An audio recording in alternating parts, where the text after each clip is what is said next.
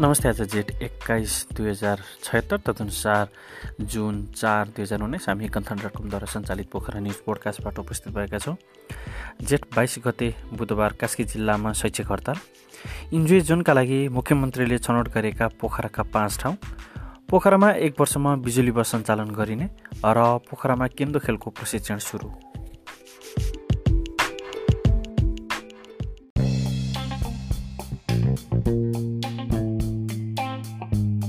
अखिल क्रान्तिकारी कास्कीले जेठ बाइस गते बुधबार कास्की जिल्लामा शैक्षिक हडताल आह्वान गरेको छ। राज्यले विद्यार्थीमाथि दमन गरेको दावी गर्दै विप्लव नेतृत्वको नेकपाको विद्यार्थी सङ्गठनले शैक्षिक हडताल घोषणा गरेको हो। गत बाह्र गते अखिल क्रान्तिकारी कास्कीका जिल्ला सचिव विश्वास थापा पवनलाई कास्की प्रहरीले बिना कारण हिरासतमा लिई चरम शारीरिक तथा मानसिक यातना दिएको क्रान्तिकारीको दावी छ। क्रान्तिकारी कास्कीका अध्यक्ष काजी गुरुङले प्रेस विज्ञप्ति जारी गर्दै चरणबद्ध आन्दोलनको घोषणा गरेका छन्। सोमबार गण्डकी प्रदेशको संसदमा आइतबार संसद अवरुद्ध गर्नु परेको कारणबारे जानकारी गराउन काङ्ग्रेस संसदीय दलका नेता कृष्णचन्द्र नेपाली रोस्टममा पुगे। नेपालीले इन्जोय जोनदेखि आस्थाकै आधारमा कर्मचारीको हेरफेर गरेको बारे सरकारको जवाफ मागे। मुख्यमन्त्री पृथ्वी सुब्बा गुरुङलाई प्रतिपक्षको जवाबसहित बैठकलाई सम्बोधन गरे।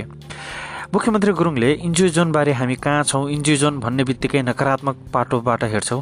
के फन पार्क इन्जोय जोन होइन आइटी पार्क इन्जोय जोन होइन के विशेष खालको रेस्टुरेन्ट इन्जोय जोन होइन यसले उनलाई इन्जोय जोन वा इन्टरटेनमेन्ट जोन जे भने पनि भन्न आग्रह गरे।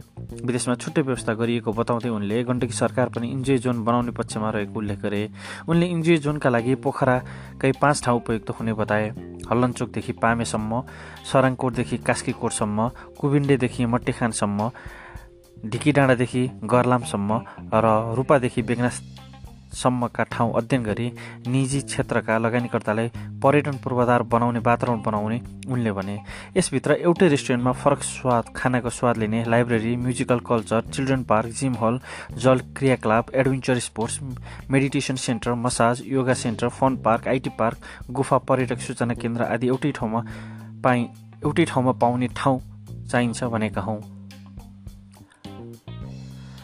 यता पृथ्वीसुब्बा गुरुङ गण्डकी प्रदेशका मुख्यमन्त्रीले बिजुलीबाट चल्ने बस सञ्चालन गर्ने घोषणा गरेका छन्।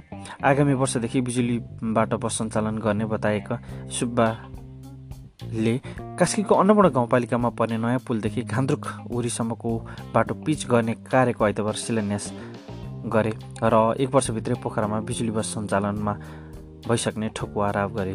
बिजुली उत्पादन बढेसँगै बिजुली खपत पनि बढाउनु परेको छ गुरुङले भने। त्यसका लागि एक वर्षभित्रै पोखरामा बिजुली बस सञ्चालनको व्यवस्था गर्छौँ। उनले बिजुली बस ल्याउनका लागि प्रेरित गर्न बिजुली बसको भन्सार शुल्क घटाउने योजना सुनाए। बिजुलीबाट चल्ने गाडीको प्रवर्धन गर्नुका साथै पोखरा बजारको मुख्य चोकचोकमा चार्जिङ स्टेसन समेत राखिने उनले जानकारी दिए।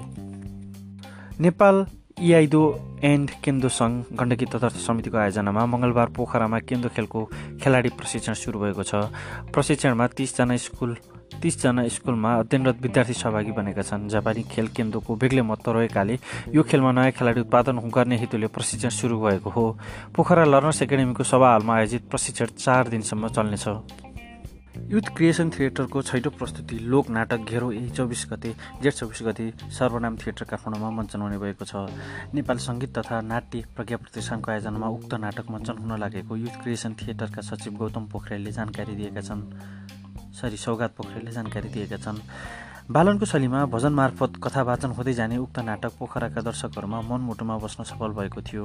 पोखरामा मात्र नभई सुर्खेतको रारा राष्ट्रिय नाटक महोत्सवमा समेत नाटक छनौट भएको नाटकले गण्डकी क्षेत्रमा बोलिने भाषा र लवजलाई कलाकारले टपक्कै टिपेको नाटकले कर्णालीलाई नाटकले कर्णालीलाई पनि प्रभावित बनाएको छ। यता लेखनाथको लेखनाथको बेगनास्थालमा जारी पाँचौँ संस्करणको बेगनास फिस फेस्टिभल एक करोड रुपियाँको कारोबार गर्दै सोमबार सम्पन्न भएको छ। फेस्टिभलको समापन गर्दै पोखरा महानगरपालिकाका प्रमुख मानबहादुर जीसीले बेगनास क्षेत्रलाई माछाको पकेट क्षेत्रका रूपमा स्थापना विकास गर्नुपर्नेमा जोड दिए। उनले पुरानो लेखनाथमा प्रशस्त जलाशय रहेको यस क्षेत्रलाई माछा उत्पादनको केन्द्रका रूपमा विकास गर्नुपर्नेमा जोड दिए।